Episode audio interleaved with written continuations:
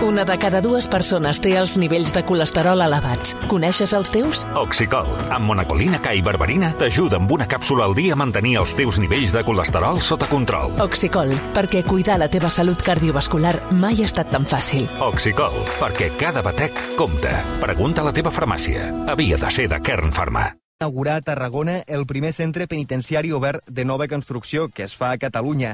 Amb 130 interns permetrà tancar definitivament l'antiga presó de Tarragona. Anem fins allà, Esteve Giral. El nou centre penitenciari obert de Tarragona, el primer, eh, com deies, que es construeix a Catalunya de nova construcció, eh, servirà per tancar l'antiga presó i perquè més de 130 interns hi puguin venir a dormir. Són eh, interns eh, que estan en tercer grau per tant, presos que estan al seu final ja de la condemna. Jaume Basar destaca l'aposta que fan pels centres oberts eh, perquè afavoreixen la reinserció. Aposta pel medi obert, que vol dir la reinserció, per les segones oportunitats i per una menor activitat delictiva. El nou centre obert de Tarragona s'inaugura al Parc Francolí a tocar de l'Hospital Joan 23 i al costat d'on anirà la futura ciutat judicial de Tarragona.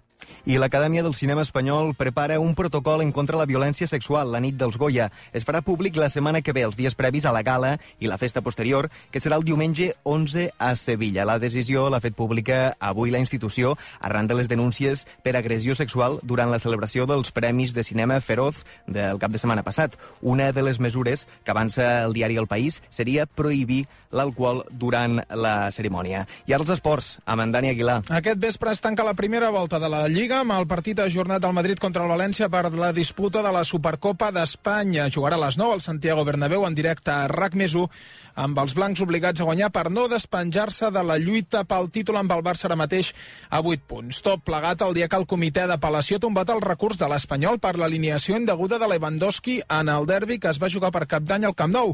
L'Espanyol, però, ja ha decidit que tornarà a recórrer l'última via que li queda. El TAT, un tribunal d'administració de l'esport, que també haurà de decidir sobre el recurs que ha presentat avui el Barça per l'alineació indeguda de Jayce Ferreira a la Copa de la Reina i que va costar a l'Esblaugrana l'eliminació de la competició.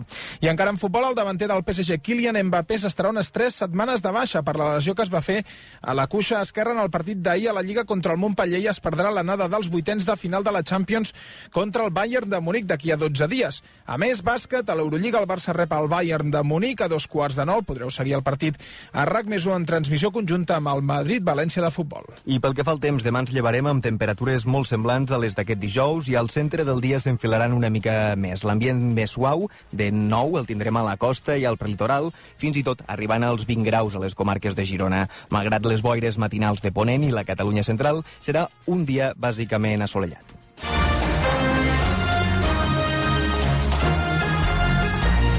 RAC més 1 aquest dijous, l'Eurolliga de bàsquet i el Madrid-València a RAC més 1. A dos quarts de nou, al Palau Blaugrana, Barça-Bayern de Munic. Viu-lo a RAC més 1 amb Marc Mundet, Jordi Colomer i Xavi Puig. I a les 9, al Santiago Bernabéu, Real Madrid-València. Partit de Lliga amb la narració de Damià López. I per rematar-ho a dos quarts d'onze a RAC 1, tu diràs. RAC més 1. Tots som Més 1.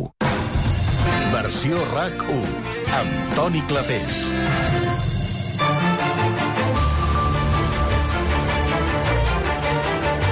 Són les 6 de la tarda, 10 minuts. Eh, La notícia econòmica del dia és que el Banc Central Europeu ha pujat els tipus d'interès mig punt més i ja se situen al 3%. És la cinquena pujada des de l'estiu i tot apunta que no serà l'última perquè la inflació segueix disparada. És més, el Banc Central Europeu ja ha alertat i ha avisat que els tornarà a increment- incrementar al mes de març.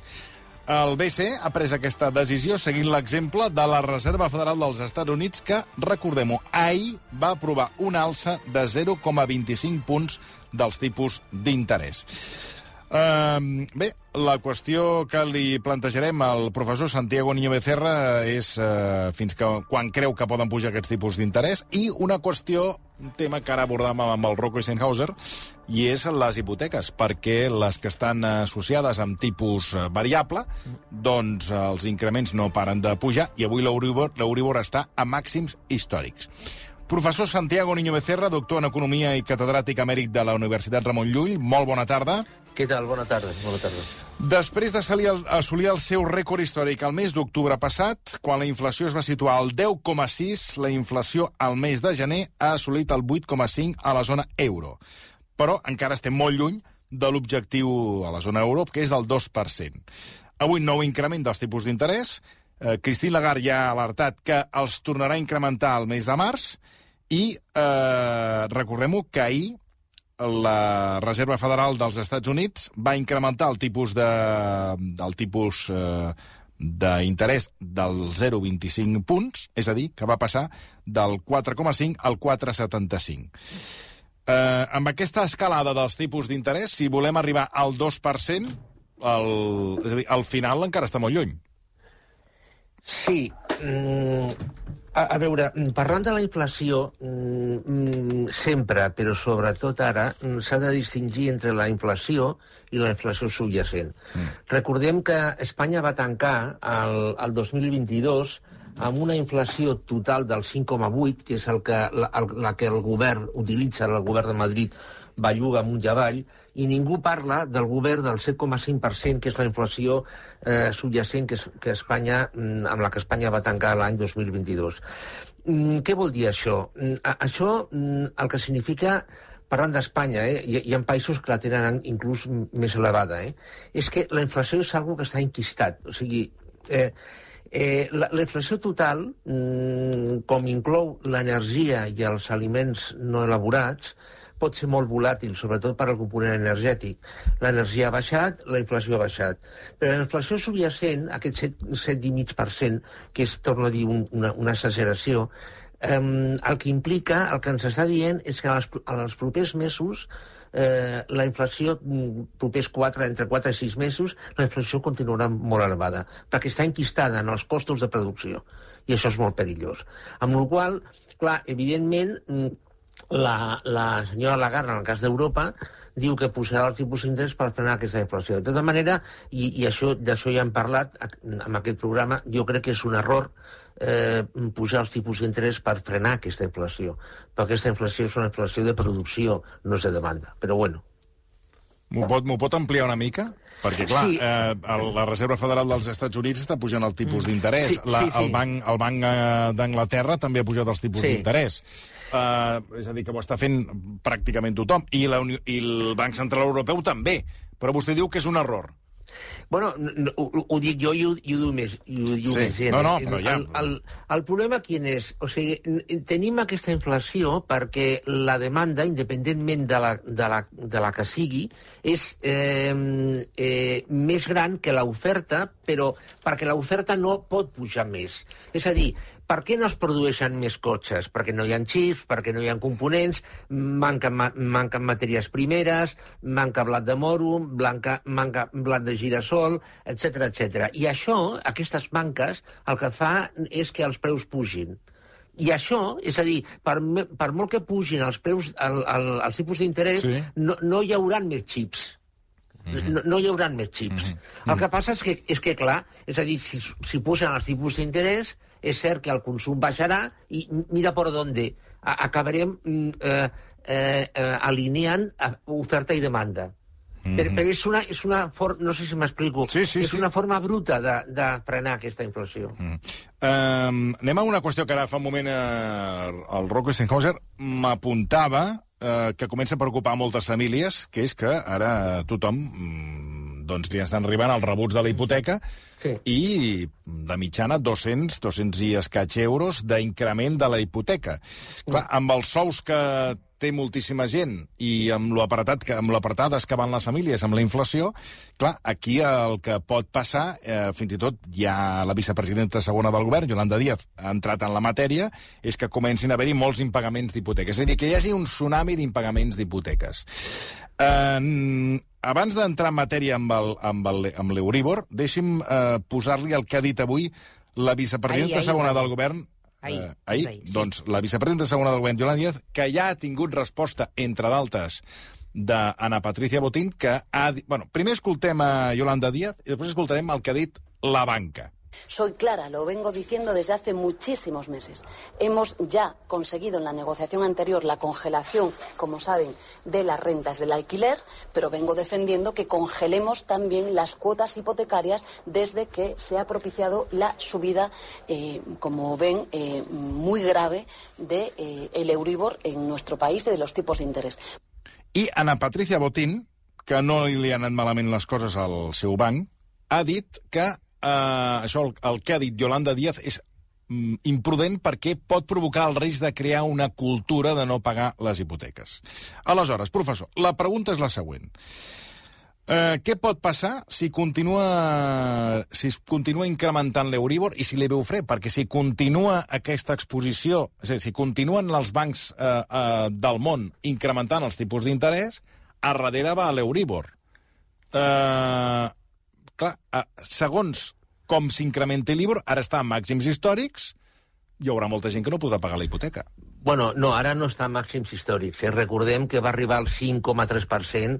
No, ho, ho, em referia d'aquests darrers... Eh, sí, ah, però ja. volia fer que ha estat durant 4 o 5 anys a pràcticament a zero i ara està, eh, està en els tipus actuals, no? Sí. A veure, els tipus d'interès continuaran pujant mm, perquè és el sistema que s'ha escollit per rebaixar la inflació. Mm, si la inflació continua elevada, la, la, els tipus d'interès continuaran pujant. Bé, al, als Estats Units, a, a Europa ningú, que jo sàpiga ningú ho ha dit, però als Estats Units s'ha fet una estimació d'on poden arribar els tipus d'interès. Al, al voltant en, del 5, entre el 5 i el 5,2% poden arribar aquí. A Europa, mm, que jo sàpiga, ningú ha fet aquest, aquest, aquesta estimació. Jo, jo, aquesta és meva, eh? Per favor, eh? Podien arribar al 4, 4 entre el 4 i el 4,5. Jo, jo crec. Eh, el que passa és que... I això, eh, perdoni, eh, això arras... eh, clar, evidentment arrossegarà l'Euríbor.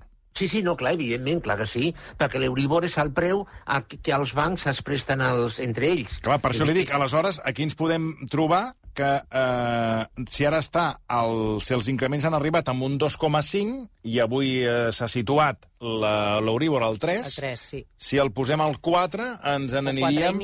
O 4 i mig, ens aniríem a uns 200, eh, pràcticament uns 200 euros més. Pues sí, evidentment, evidentment. Clar, és a dir, que la gent pagaria, si ara està pagant 200 euros de mitjana, pagaria, doncs, potser 400 euros més d'hipoteca. Podria ser.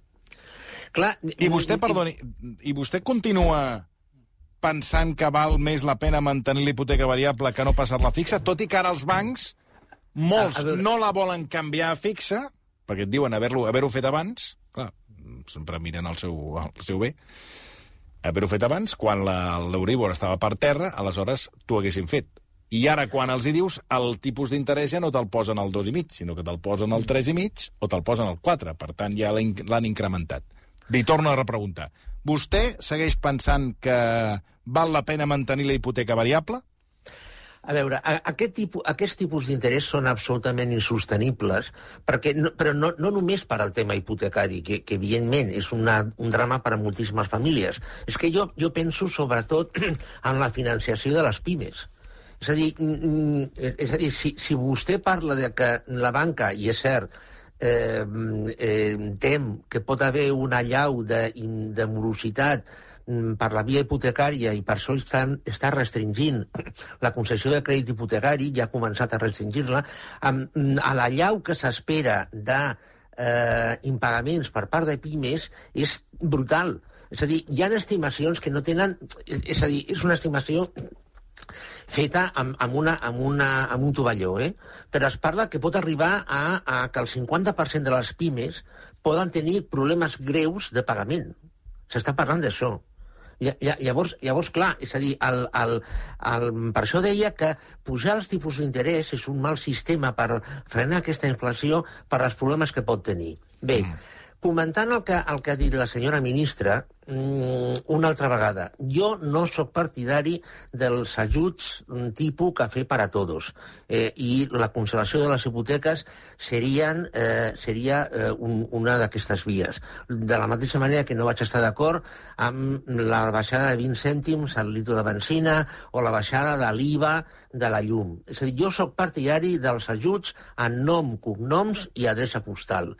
És a dir, mm, eh, s'escolleix una renta o una, una, un ventall de rentes eh, problemàtiques, eh, amb unes situacions familiars concretes, etc etc. Donar a, ajuts personalitzades. Però a, mm, congelar les hipoteques a veure, al, al marge de que... Jo, jo sincerament, eh, jo, jo crec que Europa no, no ho permetria perquè això aquí s'està entrant en, una, en un tema bancari que els estats eh, mm, bueno, jo crec que no tenen eh, eh, poder per, a, per, per entrar en, en temes bancaris eh, com, com aquest. No? És a dir, jo, jo crec que el, el, el missatge que s'estaria donant eh, seria un missatge molt perillós. Eh, per altra banda, és cert que si l'Euríbor continua pujant, eh, això portarà problemes a moltíssimes famílies. Per això deia de eh, eh, no fer-ho a nivell generalitzat, sinó fer eh, un, un, un estudi que amb, amb les dades que es tenen ara, vull dir, aquest estudi es pot fer relativament fàcil. Eh, quines famílies, quines persones tenen problemes i personalitzar els ajuts. Uh, a tot això, recordem, beneficis dels bancs. Banc Santander ha guanyat 9.605 milions el 2022, aconseguint el seu major benefici històric, i el mateix li ha passat al BBVA, que ha incrementat els seus beneficis un 38%, arribant a uns guanys històrics de 6.420 milions. Recordem que quan les coses a la banca li han anat malament, ens ha tocat uh, pagar a tots, i quan les coses van bé, doncs guanyen els que són eh, accionistes. El, és a dir, que quan guanyen, guanyen uns, i quan perden, paguem tots. Del que també s'està disparant és la compra de lletres del tresor. Expliqui'm què passa, perquè la rendibilitat se situa al 3% i això ha generat avui cues, atenció, cues, com si fos el Louis Vuitton, Louis Vuitton, aquí a Barcelona, que hi ha cues per comprar un bolso, eh, a les portes de la Banc d'Espanya d'inversors particulars. Jo li pregunto, realment surten a compte comprar lletres del tresor? És a dir, estic per anar a fer cua o què faig? Sí, però vostè ha vist les fotos de les cues? Tots són gent, mm, mm, persones grans. Sí. Bueno, i? Eh, no, no, és a dir, que joves no n'hi ha. És curiós, no? Eh, bueno, perquè potser els joves lletres del tresor no saben ni el que són, perquè tot eh, ho inverteixen en bitcoins i tota aquesta mandanga. No, jo, jo, crec, jo crec que sobretot és sí, perquè... tenen un duro. Eh, és a dir, la majoria no tenen uns estalvis per poder comprar lletres al tresor. A veure, um, és un bon negoci. Um, avui dia un dipòsit al banc et dona zero. Mm. Les lletres del tresor um, t'estan donant pràcticament un 3%. Mm.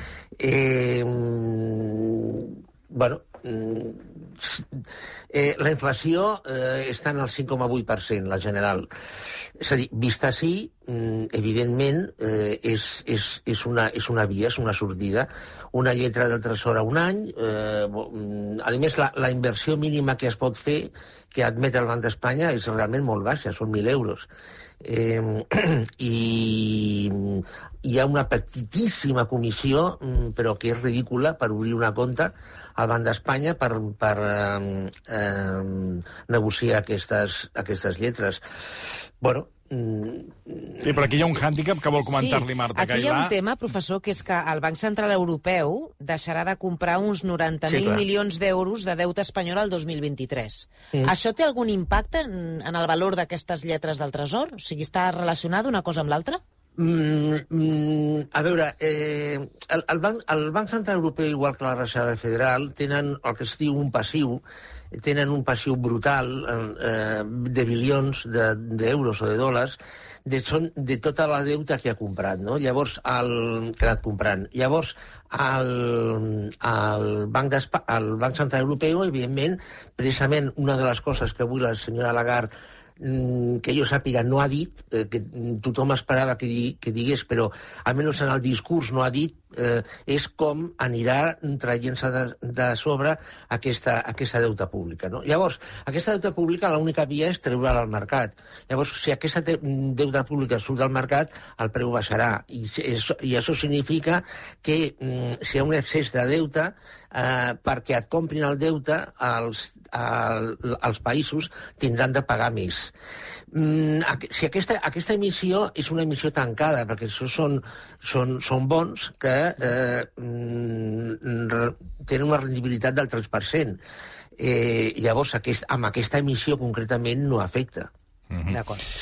Parlem de l'atur perquè de l'atur i dels diferents acomiadaments amb cascada que s'estan produint a algunes tecnològiques. Ara entrem en matèria. Parlem, per exemple, de l'atur perquè després que el mercat laboral tanqués el 2022 amb dades positives, el 23, un any després, ha començat, com és habitual, en els mesos de gener, amb un nou increment del nombre d'aturats. Espanya es va destruir 215.000 llocs de treball i 70.744 persones es van apuntar a les llistes de l'atur.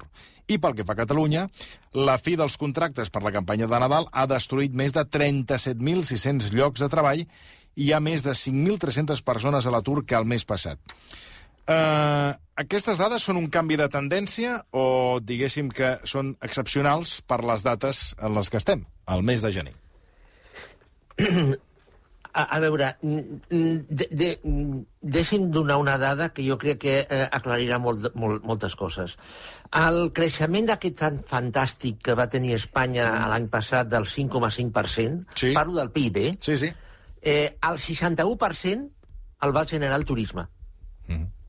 Bueno, a, això què significa? Bueno, això significa que eh, Espanya, malgrat tot això que a, a, es va comentar durant la pandèmia, de que es tenia de canviar el model eh, productiu espanyol i no fer-lo tan dependent del turisme, és a dir, eh, s'ha acabat la pandèmia i, i estem, estem, com a, com, estem com abans. Llavors, llavors clar, mm, en, en el cas d'Espanya, concretament, eh, altres països són una altra història, eh, en el cas d'Espanya, mm, això marcarà molt la evolució que, que, prengui, que agafi el turisme. I, I en aquest cas el turisme dependrà molt de eh, l'evolució de les rentes dels, dels turistes que venen, que venen a Espanya. Mm, ha sortit també avui, la da, o, o ahir, la dada de la despesa mitja per turista guia, eh, mm, que és un indicador molt fiable del mercat turístic, i en euros reals, eh, és a dir, descomptada la inflació, eh, ha baixat respecte a l'any passat. És a dir, això mm, està indicant coses, no? Llavors, eh, si és una tendència, home, un, un, un mes no crea tendència, el que passa és que, torno a dir, la, la dependència de l'ocupació a Espanya és, és molt elevada en un, en un sector, en un parell de sectors. Turisme, hostaleria, oci, és, és, i, bueno, llavors això és, és molt, molt perillós. És on estàvem, bueno, és on estàvem abans de la pandèmia, com vostè diu, quan hi va haver la pandèmia es va dir que s'havia de canviar el model de, de negoci i seguim fent, seguim fent el mateix. Bé, Uh, on hi ha molts acomiadaments, molts treballadors que perden la seva feina és a les empreses tecnològiques. En poques setmanes, és com una mena d'erupció, de, de, de, de, de, uh, com una mena de cascada, han acomiadat 200.000 treballadors, que es diu aviat, Uh, per exemple, per fer-ne un resum, Microsoft ha acomiadat 10.000 empleats, Amazon 18.000, Meta 11.000, Twitter 4.000 i Google 12.000. I en aquestes darreres hores, eh, PayPal en farà fora 2.000, Tinder reduirà un 8% de la seva plantilla i Globo, que eh, també retallarà eh, el sector de les oficines, un 6,5% menys de treballadors. Li pregunto això eh, perquè m'agradaria saber què en pensa d'aquesta retallada. És a dir, han punxat les tecnològiques? Estem davant de la punxada del globus de les tecnològiques? No, que va, que va, que va. A, a veure, aquí, aquí, hi ha, aquí hi ha dos temes diferents. Primer, que mm, les tecnològiques van contractar moltíssims treballadors durant el confinament i els, i els mesos aquells de la pandèmia sí. per donar mm, servei i per desenvolupar eh, temes que bueno, mm, poguessin mantenir la comunicació entre una sèrie d'empreses, persones que estaven confinades, vull dir, etc etc. Això, això per una banda. Eh, també es, es van disparar les eh, compres per eh, en plataformes d'internet, vull dir, etc etc. no? Bé, a, això, mm, aquesta necessitat de personal per aquesta via ha, ha baixat. Però, per altra banda, eh, mm, el que mm, ha quedat mm, claríssim és que, però, que ja estava, eh, però a, a, a partir d'aquesta història del xat GPT ha quedat claríssim que eh, la intel·ligència artificial és el futur. El, el futur, claríssim. L'exemple que ha posat vostè de Microsoft. És cert que Microsoft comiadarà 10.000 persones, però a la vegada invertirà 10.000 milions de dòlars en intel·ligència artificial. Eh, eh, Google exactament el mateix. És a dir, el, el present i el futur està en, la intel·ligència artificial. I aquí és on es mm, posarà l'accent mm, tant d'inversions com de contractacions. Eh, per altra banda, a més, és molt curiós que en proporció, en el, això és un estudi de Bloomberg, eh, en, en proporció amb el, amb la dimensió de les empreses, el, la, el percentatge més grans de comiats s'han donat en els departaments de recursos humans de les empreses. Eh, per què? Bueno, doncs sembla ser que és perquè eh, aquestes empreses tecnològiques estan ja a, eh, començant a utilitzar massivament la intel·ligència artificial en l'administració dels seus recursos humans. Mm -hmm. Uh, sí, el, la, la qüestió és que tots aquests uh, acomiadaments, clar, s'hauran de re, renovar o, diguéssim, re, reinventar, uh, perquè, clar, uh, potser no serveixen per, fer, per, per treballar en la intel·ligència artificial. Pues eh, alguns, alguns es, es tindran de reinventar i altres pues, no es podran reinventar. Uh -huh. eh, i, seran, I seran gent nova. Uh -huh. Marta. Parlem ara d'una entrevista que ara fa uns dies va publicar la contra de l'avantguàrdia l'economista Nuriel Rubini, que, com vostè, mm, també va pronosticar la recessió del 2008. Rubini diu que aviat viurem 120 anys, però alerta que aquests 120 anys de vida cal finançar-los. I ell diu que les economies no ho poden fer. De fet, a veure, no hem d'arribar a viure aquests 120 anys. Ara mateix sí, sí. ja no hi ha moltes famílies que no poden, si tenen un avi malalt, a, la família no poden ni pagar el que és una residència ni pagar a un professional perquè el cuidi. Exacte. I fins i tot hi ha hagut casos d'oients que ens han escrit per dir-nos jo vaig haver de deixar la meva feina per cuidar del meu pare o de la meva mare que està malalts perquè no tinc un altre remei. Està d'acord amb que, eh, eh, tal i com diu Rubini, una de les grans amenaces de cara al futur, i no sé si ja també del present, és qui pagarà la nostra dependència, que aquest és un dels grans problemes de la nostra societat? Als Estats Units, ara, hi han persones que s'estan morint perquè no poden pagar els medicaments que necessiten. Això ja s'ha arribat. Això, això és d'avui, eh, d'ara, eh, als Estats Units. Bé, eh, l'esperança de vida que tenim a Espanya, Espanya és, és després del Japó el país que té una esperança de vida més elevada, s'ha arribat mm, per bàsicament tres raons. Primer, perquè la higiene eh, mm, es va anar guanyant terreny, eh, eh, la higiene personal. Segon, perquè l'alimentació va millorar, i, en tercer lloc, per la sanitat mm, universal que es va anar implantant a, amb, amb els anys. Bueno, mm, eh, I tota la investigació tecnològica amb material mm, sanitari eh, i amb medicaments, bon, hem arribat a l'esperança de vida que, que tenim.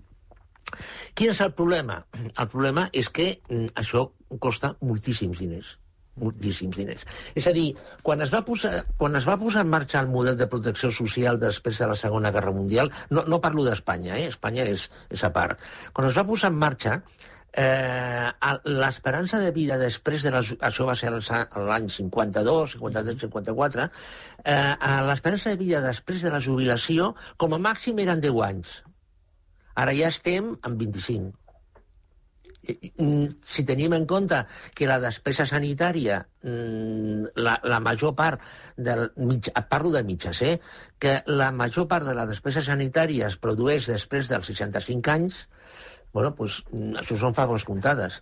És a dir, a la recaptació fiscal mm, no arriba eh, per mm, pagar les despeses sanitàries que eh, bueno, tenim i tindrem a mesura que l'esperança de vida mm, vagi, vagi I, I això, eh, professor... Eh, No hi ha solució. no, la pregunta és... és que Li anava a preguntar. I això on ens porta? Tot i que ara tenim nous pressupostos i una de les grans inversions és amb la sanitat pública. A on ens porta, això?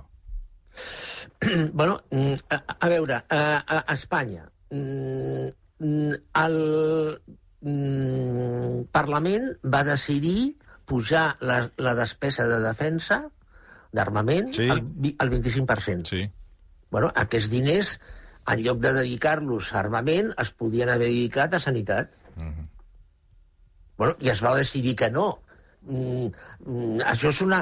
Eh, o, o, o, o, bé, o bé, per exemple, mm, eh, tenim un frau fiscal a Espanya que és rècord a, a Europa mm, i no es persegueix eh, fins a les seves darreres conseqüències el frau fiscal. Aquí també hi ha ingressos, que, eh, diners potencials que es podrien aplicar a sanitat. Mm, Mirin, els el- el pressupostos... que està clar- di- disculpi, en els pressupostos de la Generalitat de Catalunya es destinaran 1.284 milions d'euros a la sanitat. Bé. Bueno, però, mm, eh, és a dir... Vull dir, amb la eh, dinàmica amb la que estem, i segons vostè, estem amb una espiral que no tindrà... No, no, és a dir, no té final. Bueno, jo, jo, jo crec, aquest és el meu punt de vista, eh? jo crec que el copagament sanitari està a la, a la, a la volta, eh? està mm, d'aquí a mesos, eh? a mesos. Eh, forçat, evidentment, per Brussel·les, perquè aquest, és a dir, hi, hi, ha una forma de reduir, hi ha dues formes de reduir despesa, despesa pública.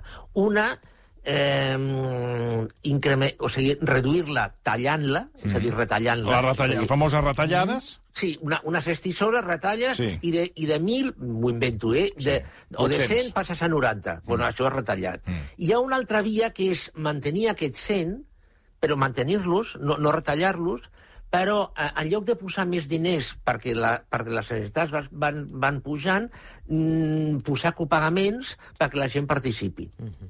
eh, a més, això ho tenen fàcil per vendre-ho, perquè, per exemple, a Portugal, Sí. que el tenim aquí al costat, Sí. hi ha copagament sanitari a la sanitat pública. Mm -hmm. I a Bèlgica també, per exemple. Eh, amb la qual això ho tenen bastant fàcil. Clar, mm, quina serà la resposta de la població? Bueno, no ho sé. Pues la repoblació, res. Uh, farà, pagarà el... Força. Pagarà el, L'euro. el, el, que sigui, el copagament i ja està. La Sí, població però no, sí. tothom, no sé si tothom ho pot pagar, això. Bueno, aquí tothom passa pel tubo. Uh, la prova la tenim, que passa, passen coses molt més grosses i aquí tothom calla i, i si tothom calla, eh, com diu la cançó, eh, hem perdut la batalla, doncs la batalla està perduda fa, fa temps. Anem amb el salari mínim interprofessional perquè el professor ho veu, no ho veu tan, eh, tan, tan increment com se'ns ha venut, salari mínim interprofessional, que aquest 2023, recordem-ho, pujarà un 8% fins a arribar al 1.000, als 1.080 euros. En 5 anys, professor, el salari mínim interprofessional ha crescut prop d'un 50%. Uh, però vostè diu que en euros constants, que ara m'agradaria que ens expliqués què vol dir amb això, és quasi un 20% menys. A veure, posi'ns llum. Sí, eh, a, veure, quan, quan el, el govern, de, el govern que sigui, eh? Sí, sí. eh mm, és a dir, el que sigui, vull dir el color que, mm. que sigui. Eh, diu que mm, en els darrers anys ha passat el cos o tal- o tal l'altre, sempre està parlant en euros de cada any. És a dir, eh, en euros mm, del mm, 2000, 2001, 2002, 2003, i, i, i va sumant, no? Eh, diu, si, si a l'any 2000, 2016 o 2017 eh, mm, el salari mínim era X i l'any següent va pujar, i l'any següent va pujar, i l'any següent va pujar, clar, puja, evidentment puja. El que passa és que, mm, per fer-ho bé, s'ha de tenir en compte el poder adquisitiu, eh, eh, eh, és a dir, la inflació que es produeix, eh, en, en, que se va, es va produint. I llavors, si es fa això, eh, si, es, es, si es compta la inflació, la pujada no és d'aquest eh, quasi 50%, mm -hmm. sinó que és molt menys. I clar, això no es fa. M'explico? O sigui, clar, el cost de vida és més car i amb el que et paguen ara et don... o sigui, eh, tens moltes més despeses perquè els preus són més elevats. Per tant, ells diuen t'hem pujat un 50% al salari mínim interprofessional, però és que tot és més car i, per tant, en realitat aquell 50% et queda retallat. És això? Eh, eh, mm, sí, bàsicament sí. B bàsicament és això. Eh, llavors, clar, aquest, aquest, és, un, aquest és un problema, per, per, per, mm, eh, per exemple, això mm, mm, es pot aplicar a Espanya en el moment actual. Parlem del moment actual. Espanya s'ha fixat un salari mínim per tota Espanya de 1.080 euros. Sí. Bueno, jo, jo, sota el meu punt de vista, això és un error. Mm, per què? Perquè el poder adquisitiu de, de, de cada zona d'Espanya, de cada regió, per exemple, no és la mateixa. Què vull dir amb això? Agafant les dades de poder adquisitiu de cada regió, mm, perquè a Catalunya tinguéssim un poder adquisitiu equivalent a aquest, a aquest poder adquisitiu mig d'Espanya de 1.080 euros, aquests, el salari mínim tindria de ser a Catalunya de, mil, de 1.162 euros. Vol dir que segons quina comunitat s'hauria de... el salari Clar. mínim en funció del, del que és el del cost de la vida hauria de ser menor o major eh, a Euskadi, per exemple, a Euskadi, per exemple, tindria de ser 1.157. A Extremadura, 933, per exemple. I a Múrcia, 948. Ah, però vostè ara digue-li al, al, al, al, al, president de la Junta d'Extremadura que el, el, el salari mínim serà de 900, ha dit? No, 940... 933. Doncs ja, de... ja sap el que dirà, no? Que si són uns insolidaris, que per aquí i per allà.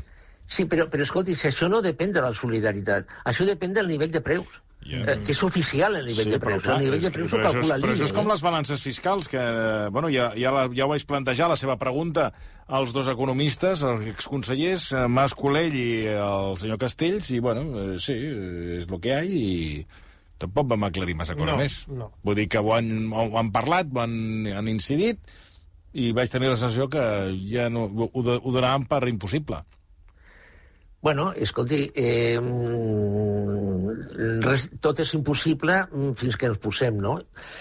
A veure, jo, jo el tema del salari mínim, eh, i, i, aquí, i això sí que no té res de polític, no té res de polític, perquè l'INE calcula periòdicament el, el poder adquisitiu de les regions. Eh, si agafem com a, com a mitja Espanya 100, eh, a Catalunya tenim un nivell, mm, un nivell de preus de 107,6 Espanya 100, eh, torno a dir, mitja, Catalunya 107,6. Llavors, mm, és a dir, no té, no té sentit que el salari mínim sigui igual a tota Espanya. Per què? Això per què és? Perquè el salari mínim ho fixa el govern, és a dir, és una decisió política. Quan el salari mínim és, eh, o qualsevol salari, és, una, és, un, és fruit d'un estudi, d'una valoració de llocs de treball, perdó, etc etc, amb la qual eh, de polític no té res. Eh, és a dir, jo, jo crec que eh, els sindicats mm, serien, tindrien de ser els primers eh, que no està d'acord en que el salari mínim fos igual per tota Espanya. Uh -huh. per aquesta raó perquè el, el, el, el, a Catalunya, per exemple, va bé, Catalunya, bueno, perdoni, el cas de Madrid és brutal. El cas de Madrid, per, perquè, per tenir un, un salari mínim amb un poder adquisitiu equivalent, el, a Madrid el, el salari tindria de ser de 1.250 euros perquè té un nivell de preus de 115,7. Bueno, mm. eh, llavors, a, a, i això no es planteja. Per què no es planteja? No ho sé. Escolti, parlant de plantejar, vostè va plantejar o li va venir una idea o no sé si ja ho havia llegit, però que s'ha confirmat. Marta. Sí, perquè el novembre passat el professor ens va dir que les botigues acabarien cobrant per les devolucions. Recordem aquest moment. El que es compra al territori eh, el transport és gratuït. Mm, jo crec que això deixarà de ser-ho. De la mateixa manera que les devolucions hi ha plataformes que ja estan començant a, a cobrar per, per, eh, per mm, tornar productes. Eh, sobretot penso en temes de roba, per exemple. Ja. Què ha passat ara? Doncs que Zara, efectivament, ha començat a cobrar les devolucions de les compres que facin per internet. El que passa és que no cobra totes les devolucions, només les devolucions que es fan a domicili. Per cada devolució es paga 1,95 euros. En canvi, si tu agafes aquesta roba i la portes a la botiga i dius no em va bé, doncs aquí és gratuït. Això ho acabaran fent totes les botigues, professor? Sí, jo crec que sí. Bueno, el tema de la roba, i, i, i això, ara, ara el que diré, m'ho ha dit gent que ho ha fet. Es compra un jersei uh -huh. i compra quatre talles. Compra un jersei per internet, eh, em refereixo. Eh? Sí, sí, sí, sí, sí. I compra quatre talles, se'l prova, aquesta em va bé, les altres tres les torna. Bueno, escolti... Jo també conec gent que ho fa, això. Sí. També, bueno, pues, escolti, Sí, sí. això, això no, no, no, no té ni cap ni peus. És a dir, és que jo crec, jo crec que és lògic que es mm, cobri per les devolucions. Jo crec que és lògic. El que passa, una altra vegada, és que no, jo trobo que no és lògic, eh, perquè, mm, és a dir, quan mm, una plataforma o una botiga ven per internet, està assumint que pot haver problemes eh, amb allò que ha venut, amb la qual ha d'acceptar que d'alguna forma ho està cobrant, eh? El retorn, vale. Eh, però mm, jo crec que és eh, absolutament lògic que en aquest, casos, en aquest cas que hem posat eh, de persones que compren 3, 4 jerseis i tornen, bueno, els que no, el que no els queden, vull, mm, ho cobrin, eh, cobrin el, el, els ports. I, i, i, i escolti, i per les dades se sap. És a dir, si, és a dir eh, un, amb la intel·ligència artificial, i, i que està encara al bressol, eh, es, tenen una, es té una quantitat d'informació eh, brutal que es pot perfectament deduir qui ha comprat quan què. Clar. Eh, eh, amb la qual es pot discriminar mm, a, a qui se li pot cobrar i a, què, i a qui no se li pot cobrar. Mm, és a dir, jo crec que cobrar sí, però no cobrar eh, indiscriminadament. És a dir, una altra vegada el cafè per a tots sinó mm, analitzar el cas, cas per cas, que evidentment això no ho faria una persona, sinó ho faria un anàlisi automàtic de dades. Avui hem fet molts anàlisis, eh, tenim molts titulars del eh, doctor en Economia i catedràtic emèrit de la Universitat Ramon Llull, el professor Santiago Niño Becerra. Professor, moltíssimes, moltíssimes gràcies. Que tingui un bon cap de setmana. Molt bé. Gràcies, bona tarda. igualment. Dos Bona- minuts bona- bona i repassem les darreres qüestions d'aquesta tarda. Versió RAC 1.